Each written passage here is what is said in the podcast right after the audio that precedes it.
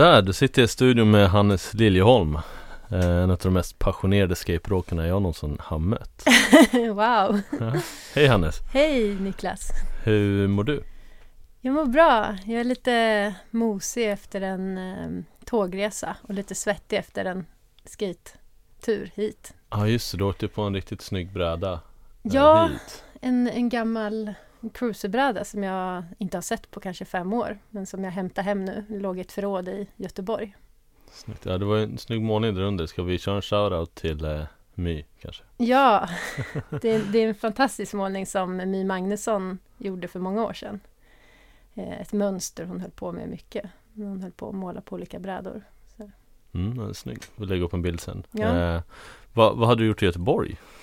Jag har, jag blivit fir, förfirad, jag fyller år snart och så fick jag överraskning. Eh, karaoke bar, studio, alltså man har ett eget karaokerum som vi har sjungit med bara kompisar. Så inga man inte känner lyssnar på en, utan vi har sjungit själva. Det var Shit. jättekul.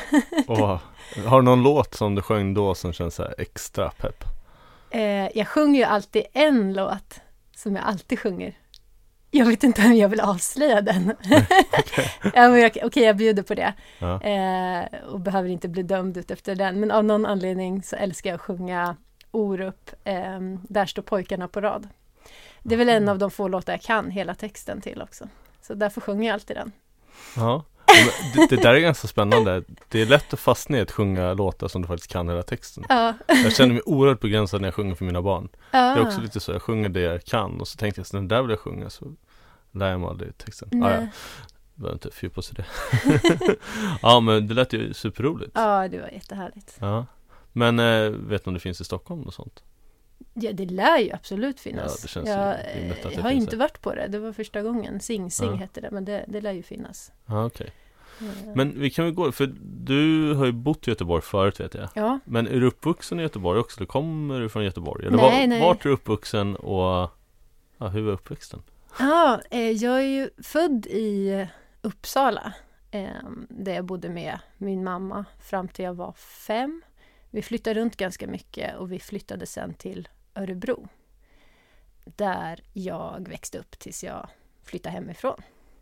Ja, så där Ah. bodde jag i en massa år. Så det är hela skolgången i Hela Örebro? skolgången. Ja. Hur var det? Men det var bra. Vi flyttade... Vi hade svårt, vi flyttade till lite olika lägenheter men sen hamnade vi när jag var runt sju, tror jag, sex, sju i eh, ett kollektivhus, ett sånt här lägenhetskollektivhus. Och det var ju en fantastisk uppväxt. uppväxt. Ehm, speciellt för mig som älskar att leka med andra barn och ha så spontant mycket barn runt omkring mig, att bara kunna haffa tag i den man är mest sugen på.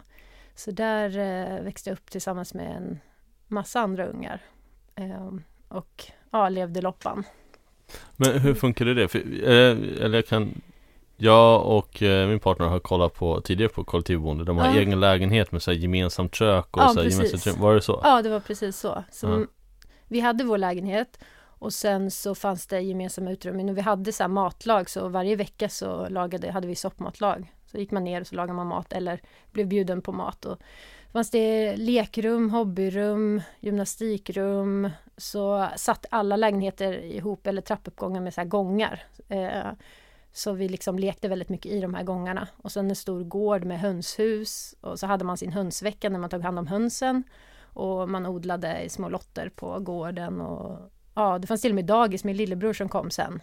Eh, det var många ensamstående föräldrar som flyttade dit och sen träffade någon i huset. Så min Ah, mamma okej. träffade även någon eh, som blev min bonuspappa då och så eh, fick jag en lillebror eh, som eh, också växte upp där och gick på dagis. Och, ja, Ja det fanns det i huset I då? huset, ja. Och allting gjorde man tillsammans. Eh, Jag tror det hette boföreningen eller hyresföreningen Vildsvinet eller något. Och sen så hette allting efter Knorren hette dagiset och sen fanns det Eh, Kultingen hette tidningen som kom varje månad. Ja, okej. Okay. Så ett eget så här, community, som ett eget Ja, samhälle nästan. Verkligen. Ja. Och det var roligt för den där tidningen, eh, mamma sparade alla för hon var med i styrelsen ett tag tror jag, eller hon var med ansvarig för tidningsgruppen, hon höll på en del med journalistik. Och där så var det, ah, hittade jag en slump, jag hade bläddra. Då var det jag och en kompis som hade skrivit eh, en insändare till den här tidningen. Var, fanns det kanske sammanlagt 60 lägenheter eller någonting, så det var ju bara de här lägenheterna som läste.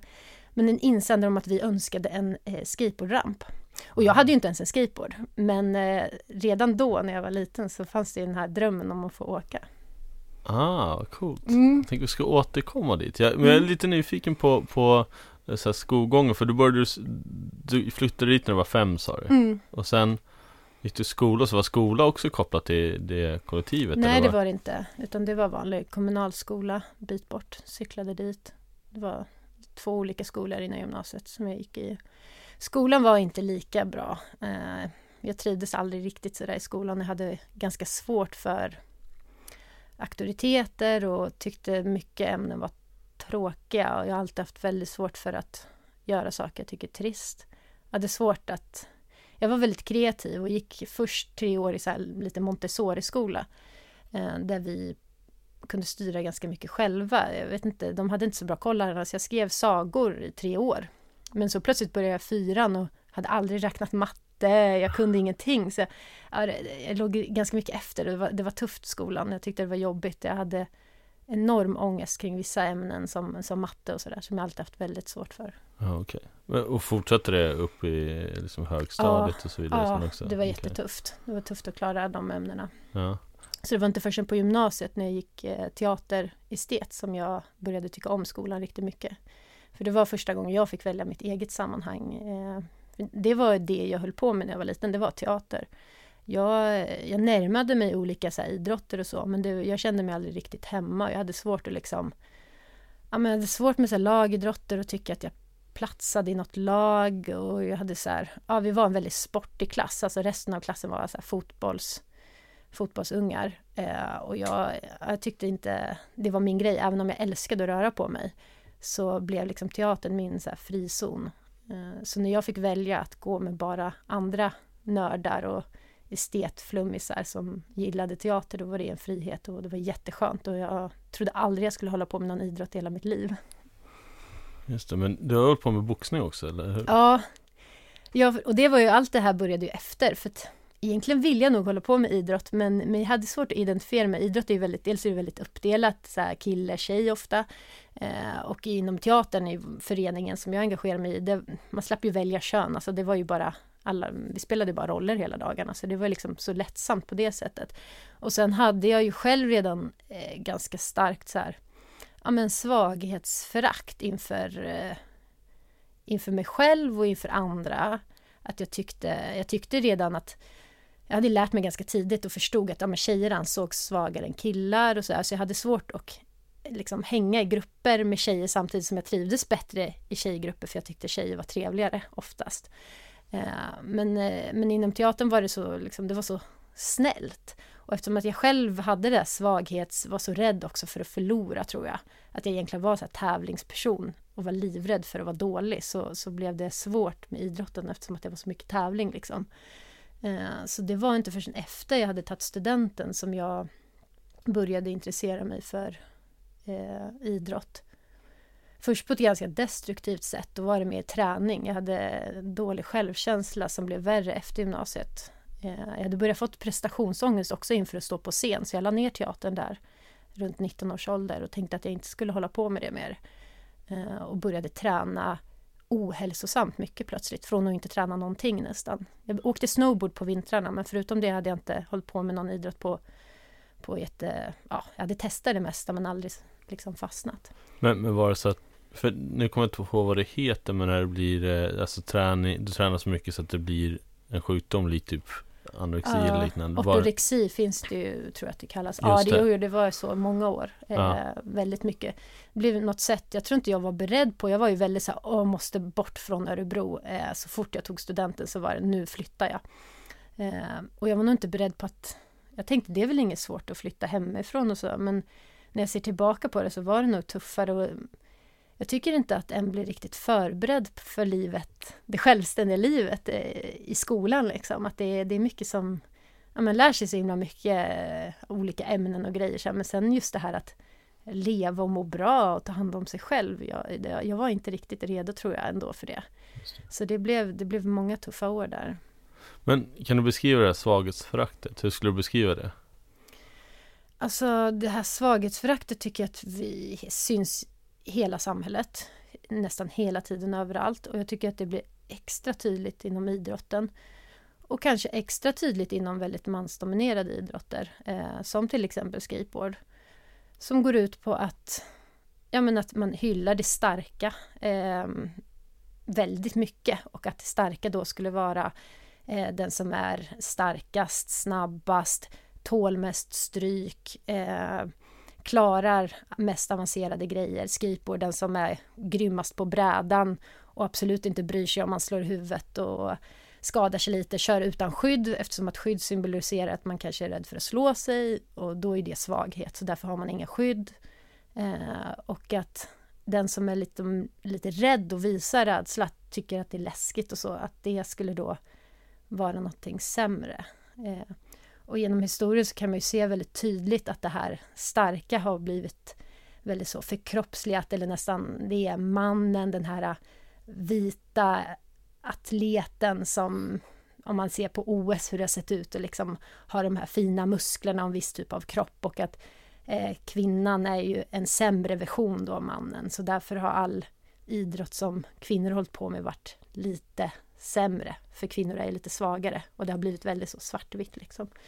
Eh, men jag tycker också att det börjar luckras upp och jag ser väldigt mycket inom skateboard att det också luckras upp där eftersom att det inte handlar om alltid om liksom samma traditionella ja, du ska vara stark och du ska kunna det här utan du kan ju nästan inte se på någon person på dens kropp om den är en grym skateboardåkare eller inte.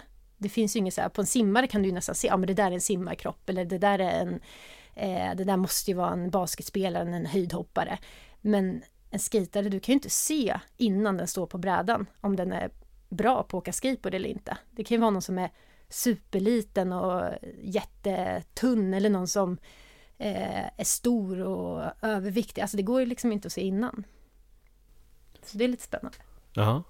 Men, men det är, jag tänker utifrån eh, svaghetsförakt och det känns ju som så här klassiskt hur eh, Ja men som, jag har ju spelat ishockey Ja. Och då fick vi ofta höra ni spelar som kärringar Ja, eller precis. ni, ni eh, tar smällar som flickor Ja, Det är väl ett typexempel på hur, egentligen inte svaghetsförakt för det är ju mer ett typexempel på nedvärdering av kvinnor och kvinnofientlighet men, ja. men det hänger ihop tänker jag utifrån vad som har värderats högt Jo men Så. det är ju så, svaghetsförakt har ju nästan blivit någonting, alltså det blir ju i slutändan någon form av sexism eh, på ett sätt, Mm. hur det ser ut. Eh, ja. Men eh, vi ska snart gå över till hur du började skata Men jag, jag tänkte på boxningen För du, då började du träna jättemycket Sen började du köra boxning därefter då eller hur? ja, jag hade alltid, eller inte alltid, jag hade sedan gymnasiet, eh, så det var ju inte så många år, för nu är jag väl fortfarande någon gång i början av 20. Eh, men jag hade varit nyfiken på boxning för jag hade sett en film, en väldigt så här amerikansk film om en tjej som boxas. Eh, och som jag tyckte var riktigt tuff, så jag hade blivit inspirerad och varit nyfiken på boxning. Men det var inte förrän jag flyttade jag flyttade ju till Stockholm efter gymnasietiden och det fanns ju utbud av extremt mycket och jag blir ju eh, väldigt så alltså, svårt med fokus. Så när det finns mycket att välja på är det svårt att ta tag i saker. Eh, så jag nästan brände ut mig av att bo två år i Stockholm. Så jag flyttade till Visby där min familj hade flyttat. Så bodde jag där en termin. Och då fanns det plötsligt ingenting nästan att välja på. Men där fanns en boxningsklubb. Och dit gick jag och tyckte att det var skitkul. Och då började det bli lite hälsosamt med det här med träningen. För då blev det fokus på en sport och lära sig eh, någonting nytt. Och inte att jag tränade för att jag skulle vara smal eller få muskler eller något sånt där. Utan då var det fokus på boxningen. Så boxningen började väldigt lustfyllt så. Eh, och sen eh, fortsatte jag i olika klubbar. Eh, eh, pluggade ju till dramapedagog i, utanför Gävle. Där började jag och gick min första match för Sandvikens boxningsklubb. Och sen flyttade jag till Majorna i Göteborg och boxades och engagerade mig väldigt mycket i den klubben, Majornas boxningsklubb. Jag tycker det namnet är väldigt snyggt. Mm. Majarnas boxningsklubb. Mm. Ja. Jag, jag bara kom tänka på filmen. Jag, jag såg framför mig en film med Hilary Swank och Clint Eastwood. Men, Nej, det är absolut inte den filmen. För jag tänkte så här, den är också ganska problematisk på väldigt många ja, den sätt. är... Men kan också vara ganska inspirerande. Nej, den ser jag alltid bara, om jag ser den, när jag sett den några gånger, eh, Ja. då ser jag den till hälften innan den går ut för hela Ja, filmen. okej. Nej, den är inte en favorit, utan den här heter Girl Fight. Ja, okej. Och eh, heter, jag tror huvudrollen det är Michelle Rodriguez, tror hon heter. Eh, som spelar en, en tjej i ett litet ja, men tufft kvarter i USA. Eh, som egentligen har en lillebror, som pappan, ensamstående pappa, som vill att lillebrorsan ska boxas. Men han vill egentligen inte, men hon vill det. Så hon är så här riktig, och hon har enormt mycket ilska och hat i sig och, och eh, visar sig bli en grym boxare.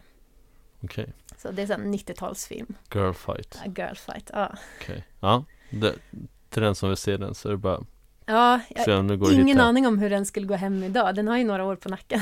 men, Ja. men på gymnasiet då var den jättebra. Det där är ju intressant hur filmer som, som man kanske tittade på under högstadietiden inte alls funkar idag. Nej. Så ja, vi behöver inte fördjupa oss i det. Eh, när kom skateboarden in så att du började åka skateboard och vad var det som inspirerade dig till att vilja åka skateboard? Alltså jag hade ju varit nyfiken på det i många år och sökt mig till det, det som i den där tidningen då, att, att jag redan, det blev jag förvånad själv för det hade jag glömt. Men jag hade flera gånger eh, försökt få tag på en skateboard vet jag. Det var några på gatan som åkte men jag vågade aldrig närma mig dem. Och sen på gymnasiet så eh, tror jag att jag köpte en skateboard av min granne och åkte lite, försökte få med mig kompisar men jag fick inte riktigt med mig någon sådär. Men vi åkte lite en ramp. Eh, och det var folk runt omkring minns jag en gång om det var, ja, jag vet inte, men det var kanske någon där som verkligen kunde, men de flesta kunde inte. Och, och så eh, sa de till mig att jag borde prova att droppa och jag visste inte ens vad det var eh, då. Men det eh, tänkte jag att ja, men det måste jag göra. Men då bröt jag handleden. Eh, och det var en känslig period där jag vet att det var ett förhållande som höll på att ta slut och jag kopplade ihop mycket med det där och den handleden blev väldigt stor. Alltså jag blev, ja, jag kände mig svag och liten där helt enkelt. Så jag tänkte att jag nog aldrig mer ska åka. Så det gjorde jag inte. Förrän jag blev runt, ja men typ 25 och eh, träffade en skateboardåkare. Ska jag berätta om, om det eller? Ja, kör. Ja men det är lite roligt för det var Egentligen började med eh, Det var, jag bodde en sommar i Visby hemma eh, hos min familj och det var Almedalsveckan och Ida Östensson som, det här var innan Make Equal och allting utan det här var på den tiden som Ida hade startat Crossing Borders eh, och var väl med i No Limit och, och körde mycket skateboard uppe i Umeå och hade, körde läger och sånt där. Hon hade en, ett föredrag, inte på vanliga Almedalen utan på den alternativa veckan. Och det där hade jag läst om i alternativa bladet där. Eh, och tänkte, ja men det ska jag gå på. Så jag gick dit och var den enda som kom. Det här var innan Ida hade slagit igenom, liksom, skulle inte hända idag. Men, men det var bara jag. Och jag hade aldrig träffat Ida, men hon var ju skittrevlig och eh, körde en egen, eh, så här, väldigt så här, personlig föreläsning bara för mig då. Och sen började vi hänga, Ida blev kvar flera dagar och bodde hemma hos mig. Och ja, vi blev kompisar. Och sen så, om det var något eller två år senare, något sånt där som Ida flyttade till Göteborg. Och eh, jag hängde hemma hos henne och så såg jag på hennes Facebook, eh, eller Facebook-profilbild där. Eh, att hon, eh, hon hade sig själv och så var det en till bredvid henne. Och jag bara, men gud vad är det där för snygg person? Och Ida bara, ja ah, men det är ju My, ni skulle passa skitbra tillsammans. Och jag bara, nej, nej, nej, nej, gud nej. Eh, men Ida var väldigt på och tyckte att jag skulle gå på Mys skateboardläger. Som, eh, som hon skulle ha, eh, ja, bara om, jag vet inte, några veckor eller något sånt där. Eh, så, och jag var så här, nej jag kan inte åka skateboard, nej det vill jag inte, oh, jag vågar inte, oj, oj, oj, oj. Men Ida anmälde mig till det där lägret. Så jag gick på det där lägret och så blev jag tillsammans med My. Ja. Så sen hade jag en skateboardpartner och då började vi skita. Eller My skejtar ju som tusan, jag började skita med My. Och hur länge sedan är det nu? Nu är det väl Ja, sex, fem, sex år sedan kanske. Ja, fem år sedan. Så det väl egentligen då det började på riktigt. Ja. Fast det tog lite slut när eh, det tog slut också mellan mig och My. Så det är egentligen som att det kom igång på nytt när jag flyttade till Stockholm och träffade på eh, Anna Hogner. Ja. Som jag var på väg, jag var lite så här, ja men jag borde börja skita igen, det hade varit kul. Så jag var på väg till Fryshuset. Och på vägen dit så, så kom Anna och hej, jag ser att du, du ser ut som någon som ska till Fryshuset. Jag bara, ja, ja, ja, men kom, kom och åk med oss, vi åker här varje vecka. Och, eh, så Anna har också betytt väldigt mycket för mig. Eh, när det kommer till skateboard och massa annat. Ja.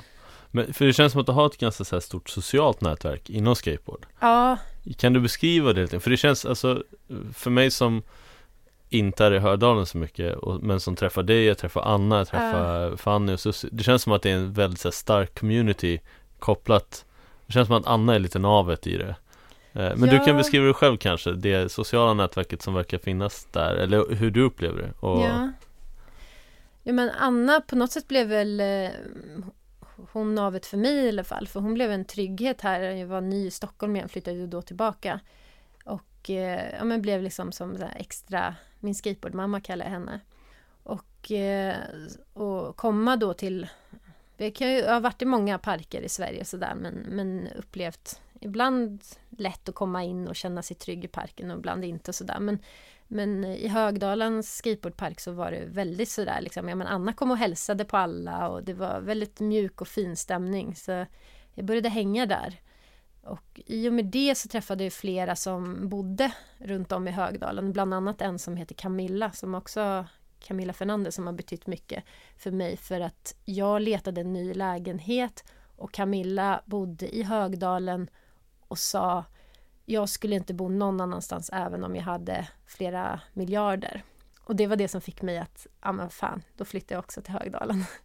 Så när jag flyttade dit så då kom jag verkligen igång. Eh, Det var ett år sedan bara. Eh, Men också engagera mig mycket i i den här föreningen, Högdalens skateboardförening. Ja, det känns som Mm. att Hördalen, är, alltså det känns som att du trivs väldigt, väldigt Ja. bra Just det, Hördalen med Ja. och allt runt omkring där. Ja, det är nog en stor anledning att jag bor kvar i Stockholm. Liksom. Att det Ja. känns som jag bor liksom, i Högdalen mer än i Stockholm. Och och jag tänker nu när du åker skateboard, för nu åker du ju skateboard Mm. mycket eh, Ja men, Jo, jo, ja, jag, jag hänger mycket i skateboardparken. Sen är det lätt att man fastnar i annat där. Eh, men jag umgås mycket skate. ja. men vad känner du att skateboard är för dig och, och vad känner du att det har gett dig? Eh, skateboard för mig har gett mig väldigt mycket hopp, tror jag. Alltså, jag känner liksom... Jag känner som hoppfullhet när det kommer till skateboard.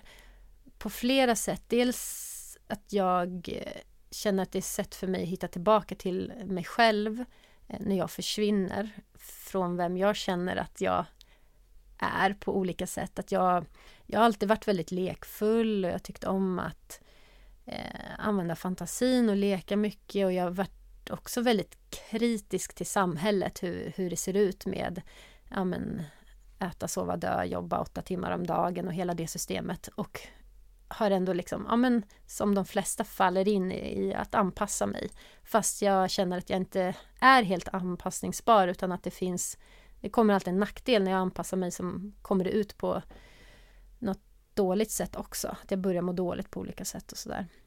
Eh, och då blir skateboard på något sätt som en påminnelse om den frihet som faktiskt finns och att en inte behöver anpassa sig, att en faktiskt kan göra på sitt eget sätt och att det går ändå. Så jag känner väldigt liksom, ja, men hoppfull om att det finns ett fritt, härligt liv och att jag faktiskt lever det till stor del och det blir också en trygghet. Så skateboard blir både frihet och trygghet på det sättet. Just, jag bara kom att tänka på, du, du jobbar ju på Skolidrottsförbundet Ja, eh, Och du, vilken roll är det du har där? Om du får beskriva den själv Ja, men nu till hösten är det lite annorlunda för nu ska jag slippa fokusera på alla föreningar i hela landet utan koncentrera mig på Stockholm och eh, ja, men föreningsutvecklare kallas jag då, men träffa föreningar, ha kontakt med föreningar, skolidrottsföreningar då och hjälpa dem att komma igång eller utvecklas. För det jag tänker på är att jag vet ju att du Ibland beskriver det som att du bara pratar skateboard när du träffar Ja. de föreningarna eh, Och eh, jag tänker du skickade ett blogginlägg för inte så länge sedan Där du listade allt som var bra med skateboard Ja, men det blir lätt så för att jag, jag har väl någon naiv tro på att alla kan älska skateboard. och jag blir ofta när jag själv är såld på något så det bor någon konstig så här, alltså inte att jag vill sälja saker men jag blir så peppad att jag eh, vill att alla andra ska få uppleva det jag upplever. Eh, och det har hittills mottagit så pass bra, ibland kan det ju skapa motstånd, bara nej, håll inte på att pracka på mig det där. Men folk har varit väldigt öppna i sinnet när det kommer till när jag börjar prata om skateboard, att, att det har funkat så himla bra. Så det har blivit som ett sätt att mötas och det, det, jag tycker att vi är ju ett fleridrottsförbund, Skolidrottsförbundet, och eh, kan hålla på med vilken form av rörelse som helst egentligen. Och jag tycker att skateboard har, är och har ännu mer potential att vara liksom en av de idrotter som är liksom, ja men, enklast att utöva på ett fritt sätt på, på ditt eget sätt. Det är väldigt mycket så empowerment i skateboard. Eh, utan att någon tränare står och skriker vad du ska göra. Och min känsla är att många barn och ungdomar söker det. Att de är trötta på eh, vuxenvärldens eh, alltså det här styrande, mycket liksom elitsatsande och ja, men alla hårda krav. Man vill ha vuxenvärldens stöd och trygghet men kanske få göra saker på sina egna villkor och utvecklas på sitt sätt. Eh, och då tycker jag att skateboard är så fenomenalt på det sättet.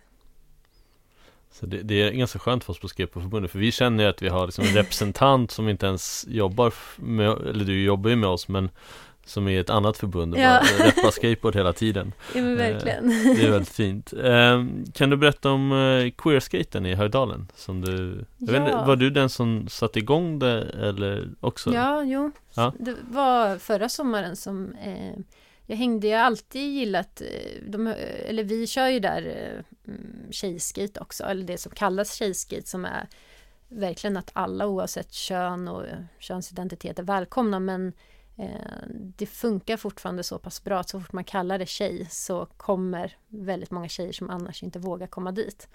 Eh, samtidigt som det finns en problematik att då, blir skateboard betyder inte det tjej då eh, för tjejer eller sådär. Men, ja.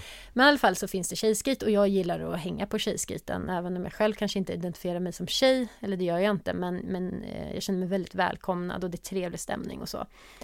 Eh, men jag vet andra som inte känner sig trygga i eh, eh, ja, men dels har inte riktigt har vågat ta sig till parken men också ja, men kan tycka att det är jobbigt om, om det blir mycket så ja men kom igen tjejer, oh, vad bra ni är tjejer. Och mycket det här eh, ja, men det blir så fixerad vid kön ibland. Eh, att jag funderade på vad, vad, vad jag kunde göra. Så tänkte jag, men jag startar queer skate. Det kändes lättast att kalla det så. För egentligen kanske det var mer av egoistiskt syfte att jag ville ha fler queers att skata med. så då startade jag det för att få fler eh, queer skatekompisar och, och så fick jag det väldigt snabbt för de dök upp från alla möjliga hörn och kanter. Så, eh, så blev det så och sen eh, eh så det rullade på och sen startades på vintern nu så Anna och Susie och Fanny som du nämnde, de eh, fick en till tid i, eh, eller det blev en till tjejskate-tid i eh, Fryshuset eh, för 15 plus åringar eftersom att eh, måndagstiden där med tjejer, den är ju mm, packad med tjejer. Eh, eh, och de ville väldigt gärna det. Och då har de också, kallar de den också för queer skate. Så där är också alla välkomna som på något sätt kan identifiera sig med det. Eh, så det finns ett behov har jag sett och nu har det vuxit lite grann och eh, jag har fått fler som vill hjälpa till och så. Så då hade vi Pride Skate då, då runt Pride, vilket blev jättelyckat. Just det, och det finns ju filmer uppe för det ja. som vi kan länka upp till avsnittet också tänker jag. Ja. Uh, med, Precis. Jag vet inte, kallar det glitterskate ibland? Eller är det något jag bara, är det jag som har formulerat det? Nej, vi kallar det, vi kallar det Pride Skate. Ja, ja men, men, det vet jag, men jag eh, såg det var, något som Ja, var... nej, men det var ju så att Camilla som jag nämnde förut eh, ville vara med och hjälpa till om hon fick hålla en glitterstation. Ah, eh, vilket hon fick. Det var bara det att Camilla har en liten annan syn på vad, vad vi hade ju tänkt att vi skulle köpa in av glitter från leksaksaffären eller någonting. Eh, Camilla jobbar ju med mode och sådär så och vi är ju en ideell förening som har väldigt lite pengar. Eh, och Camilla gick och köpte glitter som hon hade fått lov till. Det var bara det att hon köpte glitter för typ tusen kronor. Och det var väldigt svårt att motivera för styrelsen sen att vi hade köpt glitter, eller de kallar det smink för tusen kronor och både Sussi som är ekonomen bara, nej men vi är ju en skateboardförening, vad, vad gör ni? Så det, det är ett så stående skämt nu.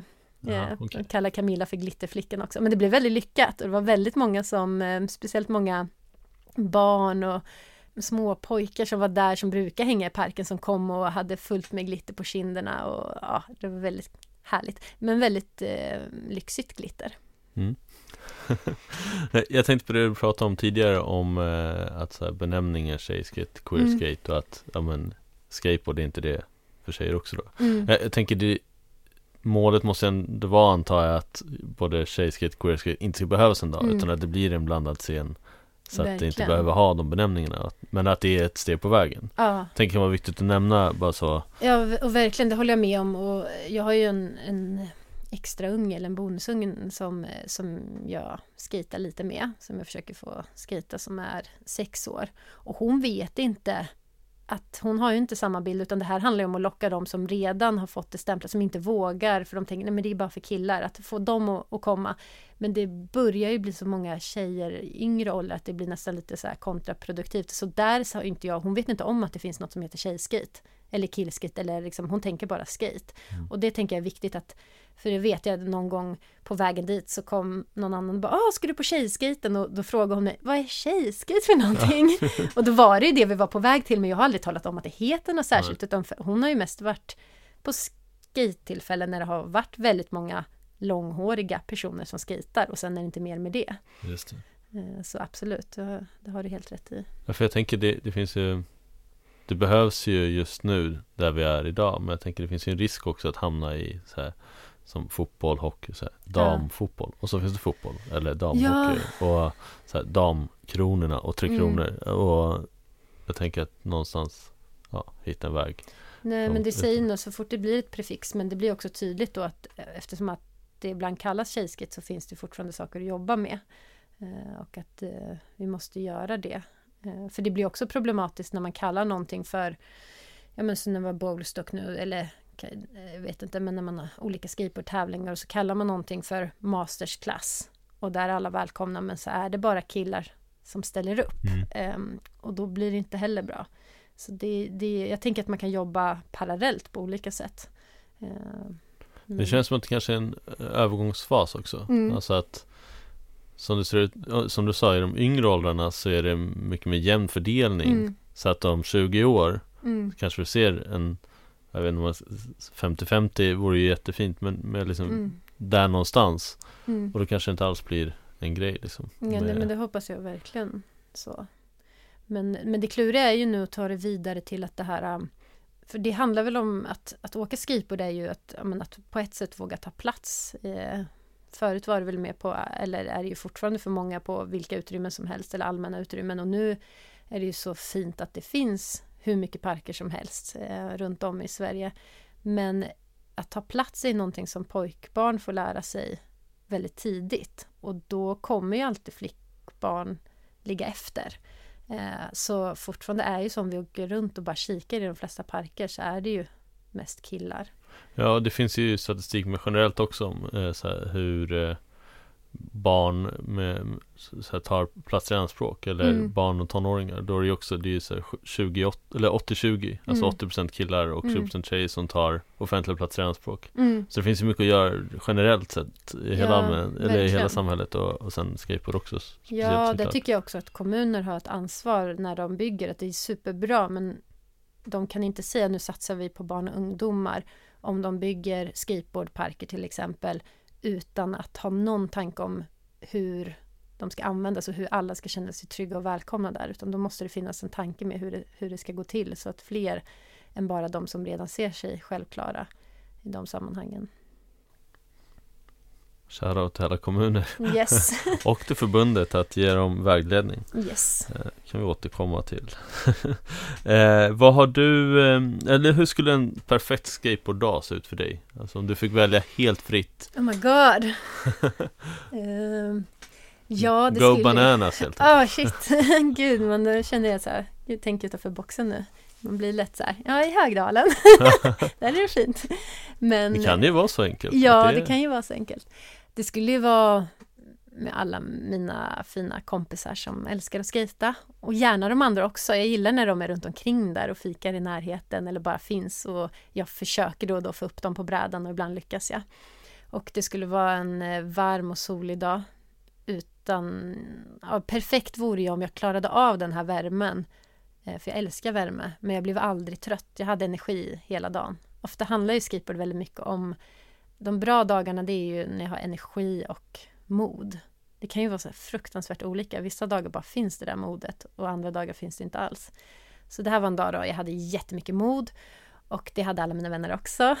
Alla hade väldigt mycket och vågade testa nya grejer och lärde sig nya grejer och bara ja men, eh, ja men vågade testa saker vi inte hade testat förut.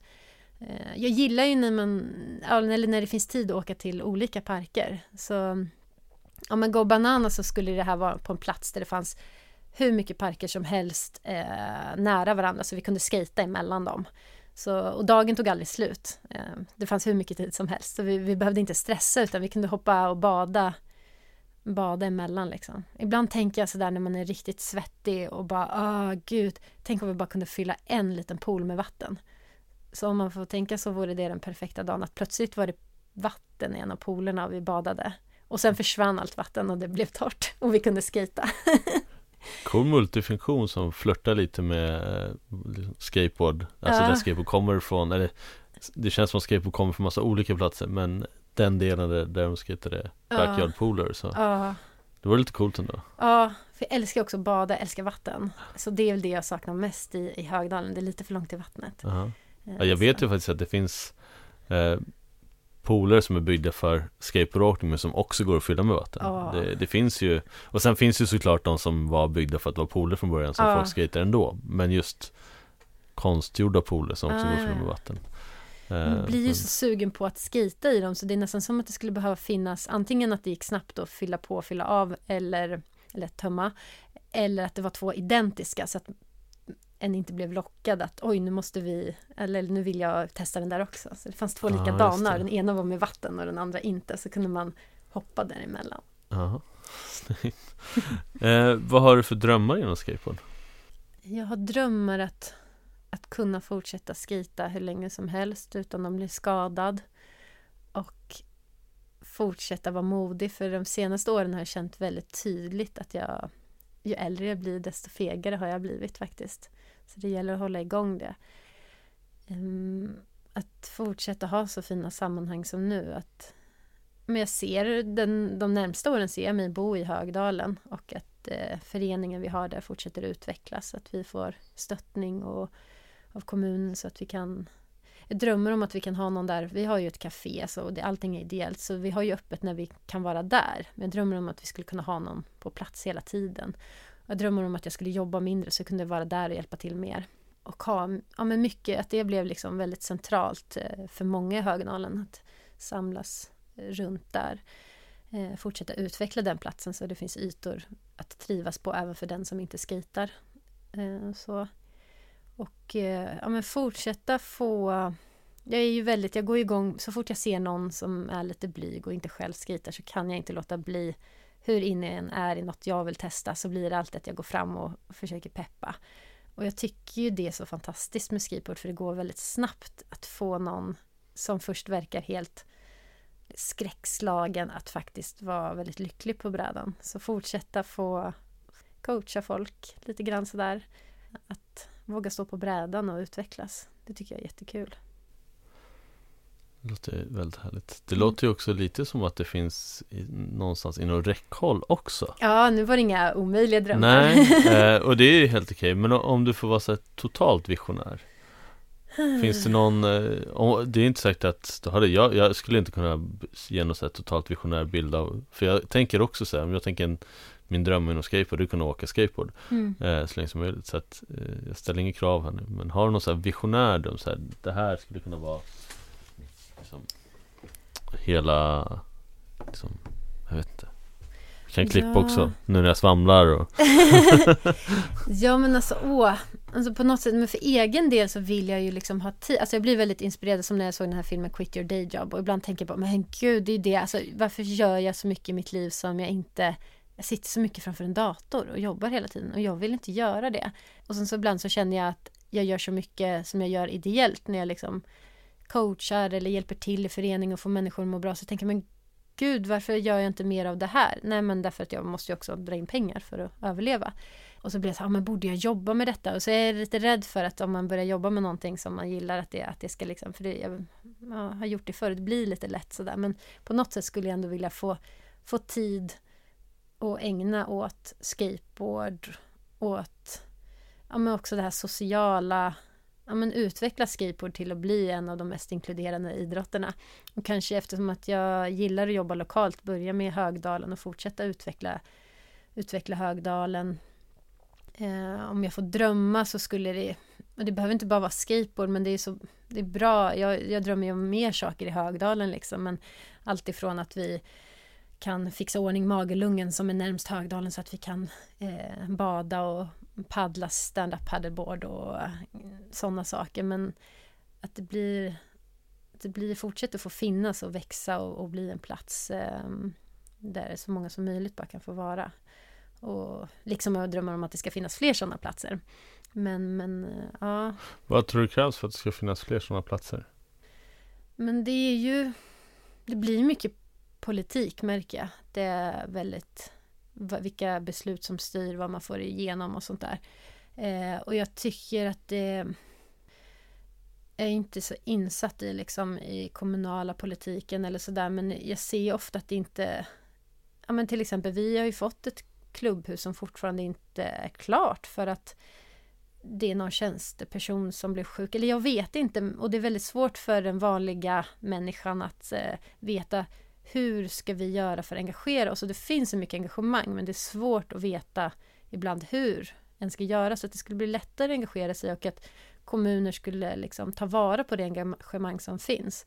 Jag har vänt mig många gånger, liksom, men man får inte kämpa sig blodig när man vill få igenom saker och sådär. Ibland har man tur, och, för det är ju så, alla är människor, och träffa någon bra politiker eller tjänsteperson som hjälper en. Men ibland får man kämpa lite för mycket. Så på något sätt eh, skulle det fungera så att det blir lättare för människor eh, att engagera sig eh, i, i samhället. Liksom.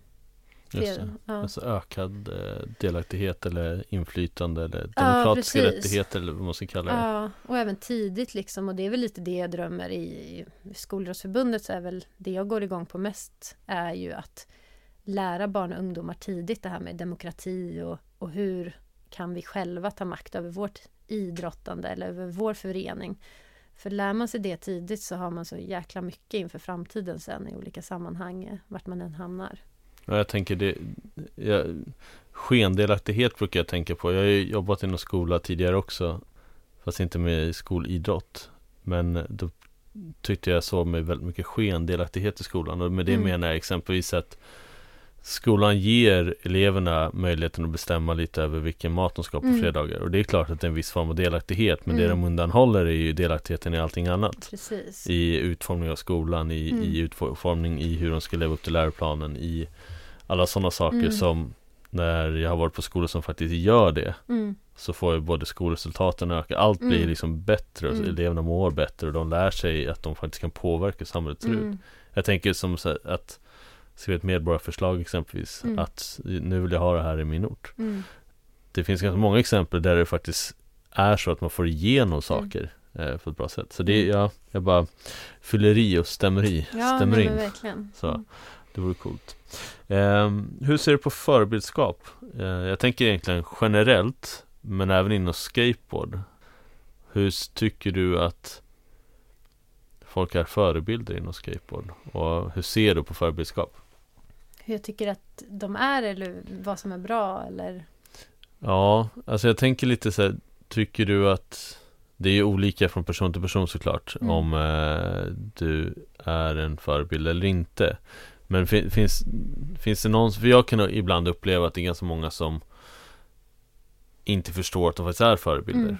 Alltså att de, eller jag brukar tänka så här att det, det är ju inte jag som bestämmer om någon har mig som förebild. Nej. Alltså om ett barn kommer fram till att Åh, jag tycker Niklas är jättecool. Mm. Då kommer den tycka det oavsett om jag vill det eller inte. Mm. Och då någonstans så har jag möjligheten att då tänka så här, shit okej. Okay. Nu är det en som blir påverkad av vad jag gör. Mm. Då kan jag tänka på vad jag gör Eller mm. så kan jag skita i det och bara säga okej okay, då ska jag vara Kan jag vara dåligt inflytande på den här personen eller inte Och det är där jag tänker så här Medvetenheten kring förbudskap inom skateboard mm. eller Ja, den tycker jag är väldigt låg. eh, speciellt när det kommer bli så tydligt vad jag har sett att, att de som inte var självklara inom skatescenen men som har på olika sätt eh, vågat sig dit eller börjat ta plats eh, har generellt, hur jag uppfattat det, tagit mer ansvar och är bättre förebilder. För att har man en känsla av att man själv har brutit mot normen på olika sätt eller att man själv inte kände sig välkomnad först så blir det liksom, det blir mer självklart. Och eftersom skateboard har och fortfarande domineras mest av killar så är det ju ofta tjejer då som kanske har den erfarenheten av att komma in i en mansdominerad idrott.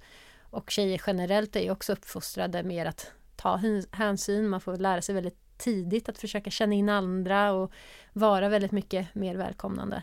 Och därför har det blivit så väldigt traditionellt, lite konservativt att det är kvinnor och tjejer som tar lite mer det här tydliga förebildskapet i alla fall. Alltså att man, man, man, känner av att ja, men nu, jag skritar för min egen skull men det är någon som tittar på mig nu och, och eh, jag vill faktiskt att, eh, att ja, men man tar, tar det ansvaret att jag, oavsett om jag bestämmer det eller inte själv så är jag kanske en förebild för de här yngre som tittar på mig nu. Eh, och det kan vi väl önska hos, hos speciellt då män, alltså även yngre men, men killar som är lite äldre liksom eh, att ja men förstår du kan du kan tyvärr inte välja det själv, alltså du får fan ta ansvar, alltså så är livet, vi är alla medborgare och ja, du skritar för din egen skull och du vill ha det kul. Men du är en medborgare som alla andra och det innebär ett visst ansvar när man rör sig på allmänna platser. Eh, och det krävs så himla lite. Det krävs så himla lite. Det är inte ens särskilt ansträngande om man bara funderar lite över vad sänder jag ut för signaler? Eh, är jag välkomnande? Sa jag hej till den som kom förbi nu? Eh, sådär. Också pappor eh, tycker jag mycket som rör sig i parkerna att de inte för vidare det här eh, svaghetsföraktet som jag pratade om tidigare. Att, eh, att eh, men om deras pojkbarn slå sig, ja men fråga hur det är. Alltså det är inte liksom, du är inte en coolare skateboardåkare för att jag kan ta hårda smällar. Det är skitsamma. Är man ledsen och slår sig, då får man gråta och det är skitsamma. Alltså, jag tycker det är så jäkla...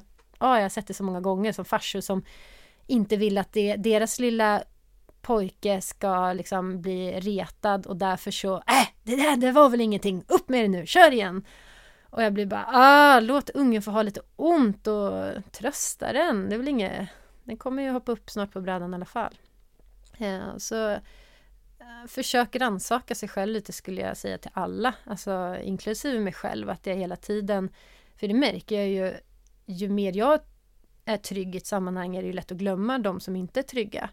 Eh, och då är det lätt att bli lite kaxig och glömma av men hur, hur sänder jag ut signaler så att jag gör att alla andra och vänta nu, nu kanske jag åkte lite fler gånger. Nu kanske jag snikar in lite på den här för att jag tyckte att, ja ah, men vad fan den var så långsam den där. Eh, droppa in då, man får visa, man måste lära sig ta plats. Eh, och lite sådär. Att, eh, att man hela tiden kan reflektera då och då över, över sitt eget beteende.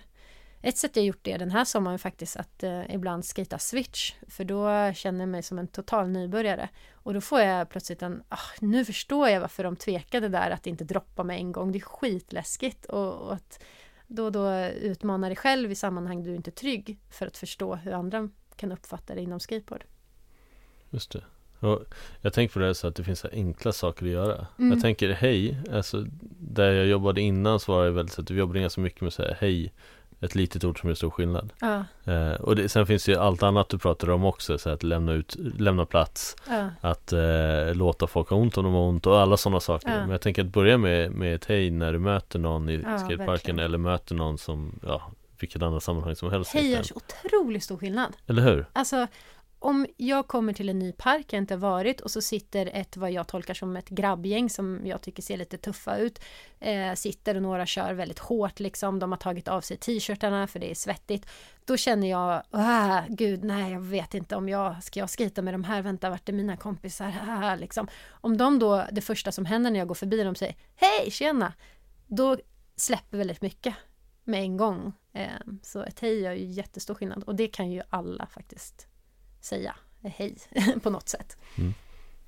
Och jag, jag, kan tänka mig att det finns ganska mycket så här, förutfattade meningar från, från även de som är de här lite mer tuffare grabbarna att de vill inte vara med oss och därför Mm. säger vi inte hej. Mm. Men eh, jag har i och för sig varit där själv också. Mm. Där jag inte var den som sa hej och inte bjöd in.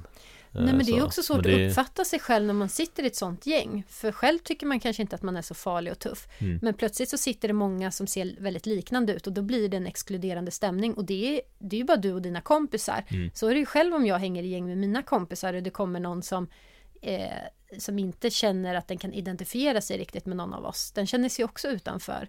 Eh, och det känner ju inte vi som sitter där i gruppen nödvändigtvis utan vi tänker oj där gick någon förbi utan att hälsa på oss kanske vi tänker. Mm. Och då får man tänka vart nu är jag i, i maktordningen. Vänta nu vi var här först, vi har kört ett tag. Ja det är nog vår, vi som ska bryta isen och säga hej liksom.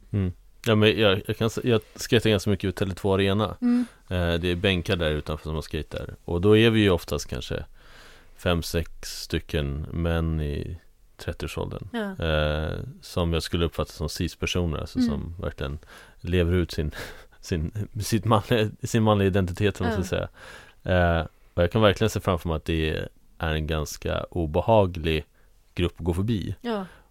och för mig, jag vet ju att Anthony Crawford som jag skejtar mycket med och Fred Jagner och Martin Karlsson och alla är hur fina personer som helst Mm. och som är jättegärna välkomna folk in och är liksom inkluderande i sitt sätt men hade inte jag känt dem hade inte heller varit helt trygg att gå förbi så att det är ju Mm. verkligen eh, så här, olika hur vi tolkar in en grupp och Mm. olika personer så Ehm, Jag tänker vi ska gå vidare lite och eh, jag är lite nyfiken på en sak som hände på vårt kontor för ett tag sedan För jag, Mm. jag och Hannes delar, vi delar inte själva, det är ett stort kontor, det är Idrottens hus, där sitter massa idrottsförbund, jag sitter för skateboard då och vi sitter eh, på samma våningsplan Mm. och eh, vid min plats så står det två stycken skateboards och två stycken hoppramper Mm. Och det var en incident på kontoret när jag inte var där, kan du berätta om det? Ja, nej men de- de här hoppramporna var ju ganska nya och så fanns det två brädor där också. Så det, det var nog Samuel från Brottningsförbundet såg jag hade tagit den och körde lite. Eh, jag tyckte väl också att det blev lite sådär klassiskt, och nu är det en, en, en kille som tar plats och sådär och så kände jag mig, fan jag kan ju faktiskt skita lite så nu ska jag också eh, ta lite plats då. Eh, så jag lånade också en av de brädorna och, och Samuel försökte hoppa på en av de här ramperna ehm, och jag gjorde det också då. Jag är inte jättebekväm, jag kör ju aldrig street nästan så, jag är så. men det gick eh, bra för mig, det är också matta liksom. Det är en heltäckningsmatta att åka på ja. Så det var inte så här jättelätt lätt liksom. Men jag, jag ser ju där att ja, men Samuel lyckas nästan men borde kanske ta i lite mer. Sen var det som att jag lite kanske såg att det här kan också gå illa så jag valde att filma. Jag tänkte att antingen blir skitsnyggt nu, nu lyckas Samuel äntligen. Han hade nästan, och han skejtade i tofflor också, så här inneskor. Så det var ju, men jag såg, och det här är den lite ondskefulla sidan i mig, jag såg att det kan ju gå illa och eh, bli en riktigt rolig film. Eh, men oavsett så så sa jag, men ta i lite mer nu Samuel, och så filmade jag och Samuel tog i som tusan och ja, jag eh, bara smällde iväg där och lyckades liksom förstöra en väggkant lite på en av de här flyouten. Trät splittrades och eh, ja, stackars armbågen och foten tror jag också på Samuel. Men, eh, men han verkar glad ändå och Ja. frågade när vi ska skita nästa gång.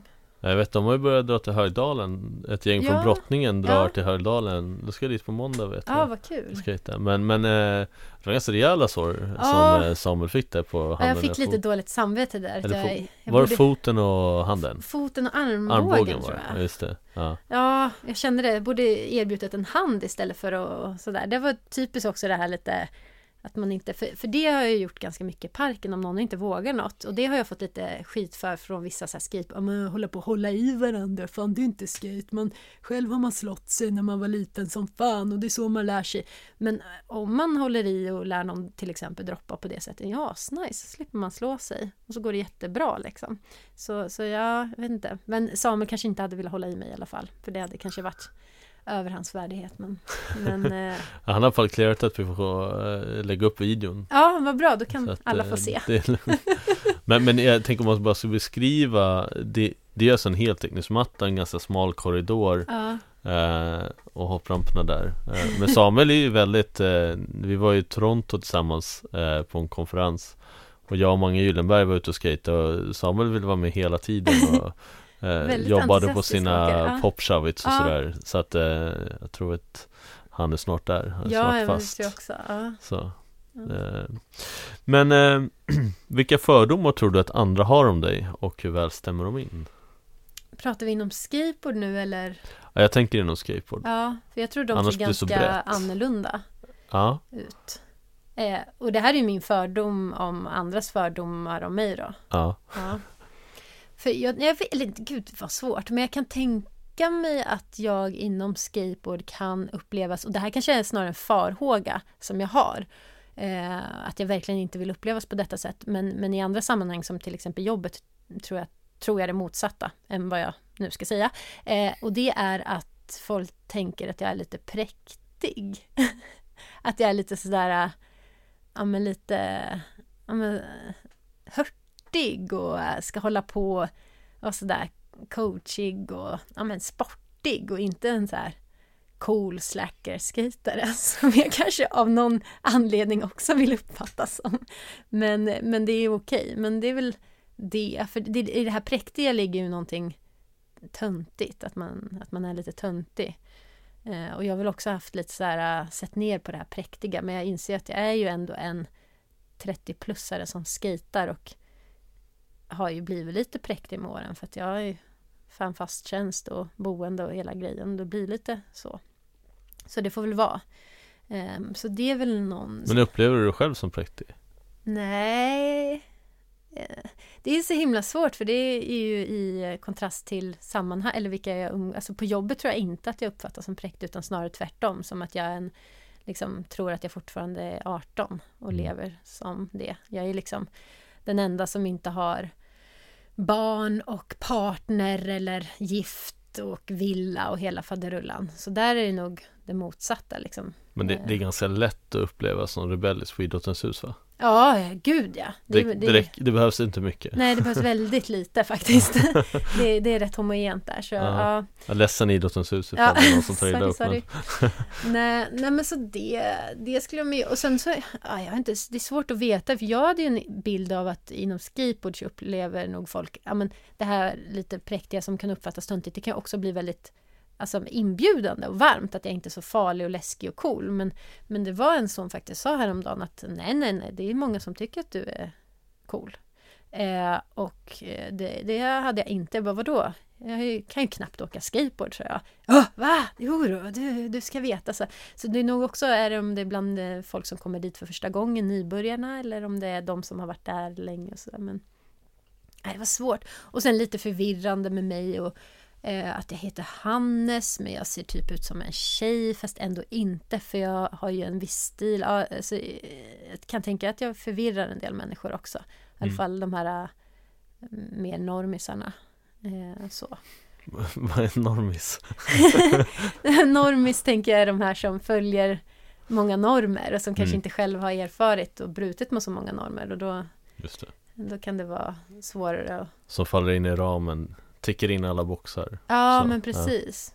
Men då kan jag nog uppfattas som lite hotfull på det sättet att om, om man är en sån som följer normerna att de tror då att jag automatiskt kommer dit och ifrågasätter dem som att det skulle Ja. vara något dåligt att följa normen, vilket det ju inte är, utan det viktiga är ju att man följer sitt hjärta. Nej, men eh, ja, så. Okej, är det några fler fördomar som du tänker att folk har om dig? Nej, alltså jag försökte fråga en så här en ny, för jag funderade på det där för, med fördomar, men fråga en ny, en kompis som så här, jag har lärt känna nyss men fick inget bra svar. Alltså jag, jag tror att jag har dålig koll på folk uppfattar mig faktiskt. Men jag har insett att det är en ganska svår fråga Jag, jag har ju ställt den ett par olika avsnitt Ja. eh, Och så har jag funderat på mig själv så det, det är en ganska svår fråga Ja. eh, ändå så vi, kan, vi kan låta det vara nu, vi fortsätter tycker jag jo, men jag Men- tror att folk uppfattar mig som ganska snäll också, vill jag bara lägga till. ja. Snäll, kanske präktig sa du va? Ja, Ja, och då vill jag säga att Men det är jag cool. inte. nej Lite. ja, Men jag, har inte, jag har inte uppfattat dig som präktig Nej, åh, nice. ja, Jag ska fundera på det nu Men, ja, är det nu du ska avslöja vilka fördomar som finns? Du har varit ute på stan och intervjuat alla. Eller hur, jag spelar upp det nej, tror ni om nej. den här personen? Ja, nej, nej det har jag inte gjort Det skulle ju kunna vara, men det skulle ju vara ganska jobbigt tror jag Ja, Om man spelar in att andra får Ja, då måste det läggas i slutet av hela den här intervjun annars så får man ju väldigt, bli väldigt självmedveten. Ja, precis. Jag ska överbevisa precis. allt det här. Men jag har, jag har inga sådana Nej. kommentarer, så det är lugnt. Eh, hur skulle du beskriva skatekulturen idag? Och om du fick bestämma, vilka delar skulle du behålla, dumpa och vad skulle du vilja ha mer utav? Så jag tänker i allt jag har sagt nu att det framgår väldigt mycket vart jag står någonstans. Men ja. eh, jag älskar ju skateboard är ändå rent praktiskt är det ju väldigt tillgängligt. Du behöver en bräda på fyra hjul liksom. Eh, och till exempel parker som Högdalen då, där vi lånar ut också gratis. Det blir väldigt tillgängligt. Och, så det vill jag se mer av. Alltså att det ska vara lätt, det ska, det ska vara låga trösklar, det ska vara lätt att ta sig en park. Det ska gärna finnas, alltså det är skitmysigt om det finns ett café på plats som lånar ut brädor och du kan snacka med någon och fråga saker. Eh, det blir väldigt tillgängligt då. Gärna att det står, ja men vi har gjort lite trevliga skyltar i parken, eller så vad man ska tänka på och sådär. Det, att, det, att det blir liksom snällt. Skateboard, jag lovar, det är coolt i alla fall. Folk kommer alltid tycka att det är coolt, även om man snällar till vissa saker. Eh, så.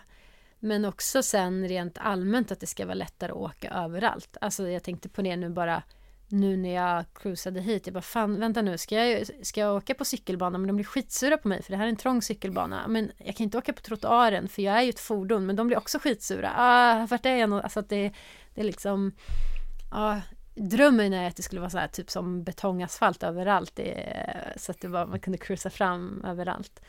Um, men att det skulle vara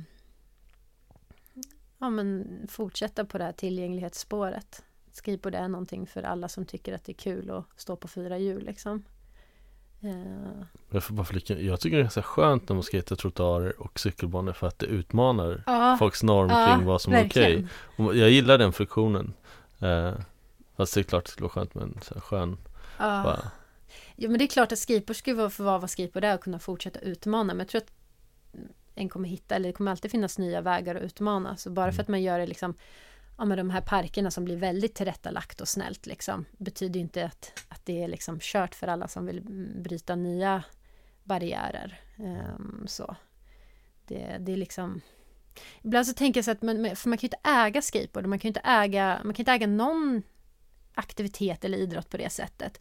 Och att det blir så dumt ibland när jag, säger, liksom, när jag försöker få någon ny kompis att komma och skejta och bara Nej men jag kan inte, nej men jag skejtar inte eller så här, bara, Nej men du har ju inte testat, nej men jag kommer ändå inte vara något bra så här. Men eh, inom massa andra idrotter det är ju inte som att du så här, Nej, men, nej, jag följer inte med ut och jogga för jag kan inte springa lika bra som Usain Bolt. Eller nej, jag kan inte simma för jag kan inte simma som eh, Sara Sjöström. Så håller vi inte på. Utan nej, men då ägnar vi oss åt aktiviteter som vi aldrig kommer kunna vara bäst i. Och jag får även påminna mig själv ibland när jag blir lite så här prestation och fan vad jag suger, nu har jag skritat ett tag och jag kan knappt några, alltså jag borde sätta det här och det här. Att jag liksom, vad fan, jag håller ju på för att jag tycker själva rörelsen, jag tycker så jäkla härligt och, och roligt eh, med skateboard. Inte för att jag vet redan att jag aldrig kommer bli bäst på skateboard. Och de flesta människor kommer aldrig bli bäst på någonting, men det är inte därför vi håller på med saker, utan för att vi tycker det är kul. Och det vill jag fortsätta sprida, att det är liksom Du kan ju skata fast du inte är bäst och aldrig kommer att bli bäst. Och det kan vara minst lika roligt i alla fall. Jag gjorde ju ett avsnitt med Viktor Telkin som jag sa i början och Henrik Bergstedt. Mm. Eller jag kanske sa innan vi började spela in men de beskrev det också så. De, det fria i skateboard att det inte du de upplevde det som att det finns inget bra eller dåligt i skateboard utan du åker skateboard och det är mm. bra oavsett vilken nivå du åker på. Mm. Och det är ju väldigt fint. Mm. Så. Ja, ja. Och, det, och det är det fina med skateboard när man ser också så här, det här alla kan ju åka tillsammans oavsett nivå. Och vi blir lika glada för den som sätter en eh, dubbel kickflip för första gången som för den som vågar droppa för första gången. Att det är liksom, det är lika mycket värt. Och mm. det är det som är så härligt. Och en blir lika glad. För att man har kämpat och klarat någonting nytt liksom. Det peppkultur, ja, brukar jag kalla det. Väl, väldigt, mm. väldigt. Vill du fylla i något mer där kring eh, skatekulturen och, och Behålla, dumpa, addera? Uh, nej men jag vill dumpa all sexism, all rasism. Jag vill dumpa all skit inom skateboard. Uh, jag vill dumpa svaghetsföraktet. Jag vill dumpa ja, men allt det destruktiva inom skateboard. Jag tycker inte att det fyller så någon funktion överhuvudtaget. Jag, jag, jag, jag tänker också jättemycket på det och när jag var yngre så tyckte jag att det var väldigt coolt med allt det här Men sen inser jag, eller för mig så känns det som att, som du säger, det finns ingen riktig funktion för det. Du Nej. kan fortfarande vara fri och utmana konventioner och göra allt det utan att vara destruktiv. Ja.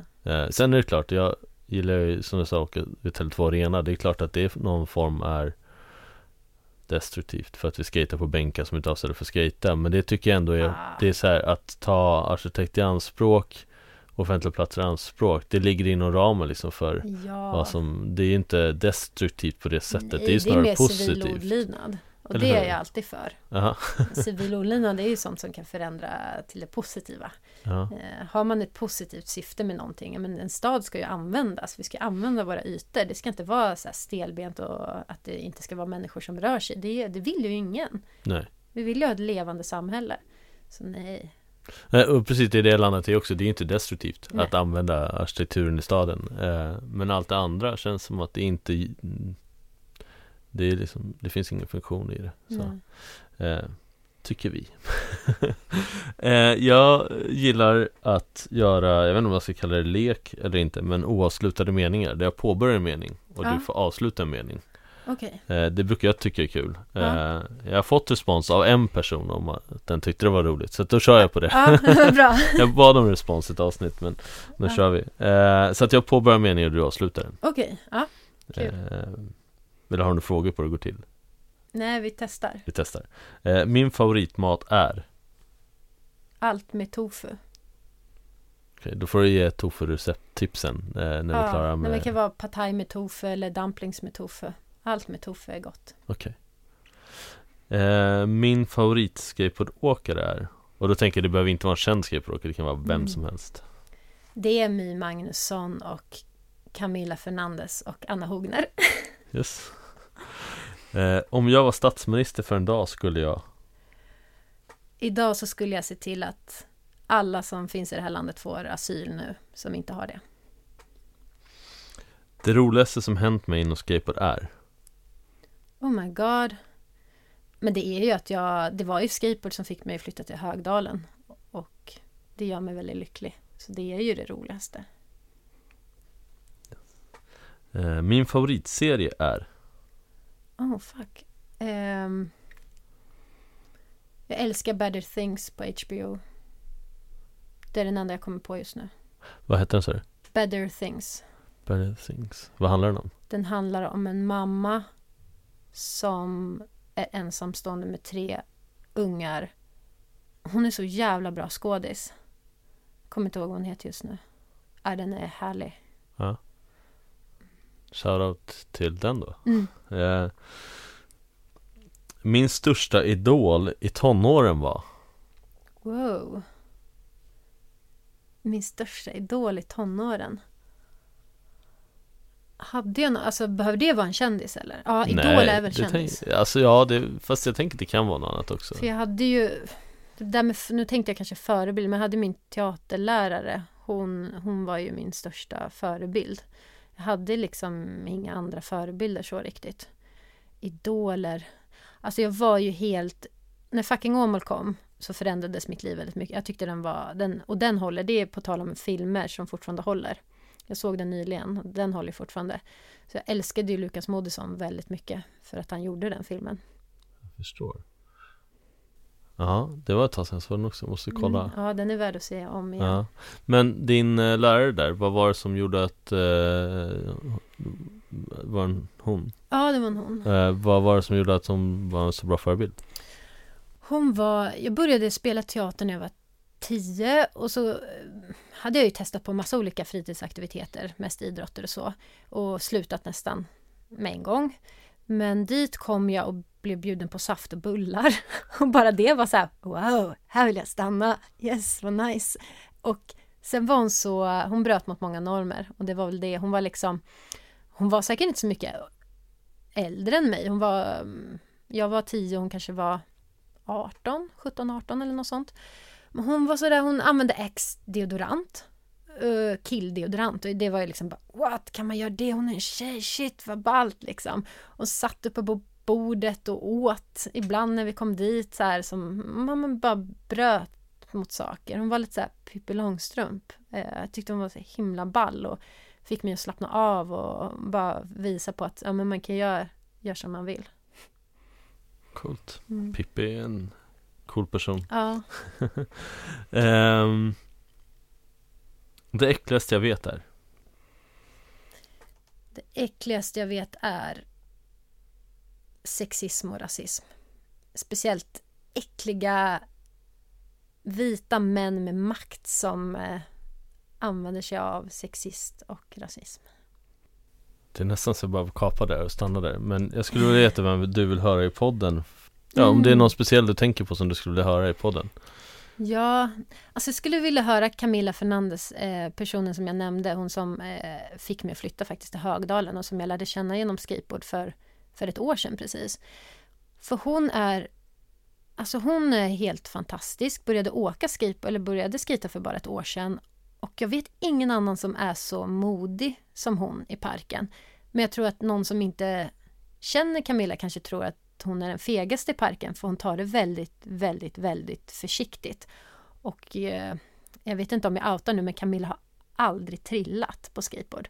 Och det det kan jag nog säga, det är inte för att hon har världens bästa balans utan det är för att hon tar det väldigt försiktigt. Men hon har sån passion och hon är så modig för att hon går emot alla sina rädslor. Hon tycker det är skitläskigt med fart, hon tycker det är skitläskigt med, med skate, men hon tycker det är så jävla roligt så hon gör det i alla fall. Och hon gör det nästan varje dag. Vi ses jämt i parken och hon, hon är så varm och hon har så härlig utstrålning. Och bara, det skulle vara jätteroligt att få höra mer om Camilla.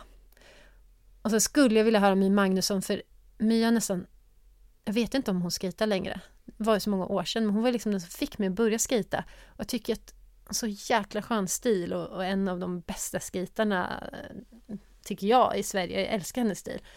Så jag skulle vilja höra lite, ja men hur ser livet ut nu liksom? Och längtar du tillbaka till skiten? Och varför slutar du eller har du slutat? Och lite så. Mm. Ja, det är intressant. My, när, när My kommer upp på tal så är det många som beskriver just hennes stil. Ja. Och hur grym hon var på skateboard. Ja. Sen tänker jag på att ja, Mys hantverk ja. är ju coolt. Ja.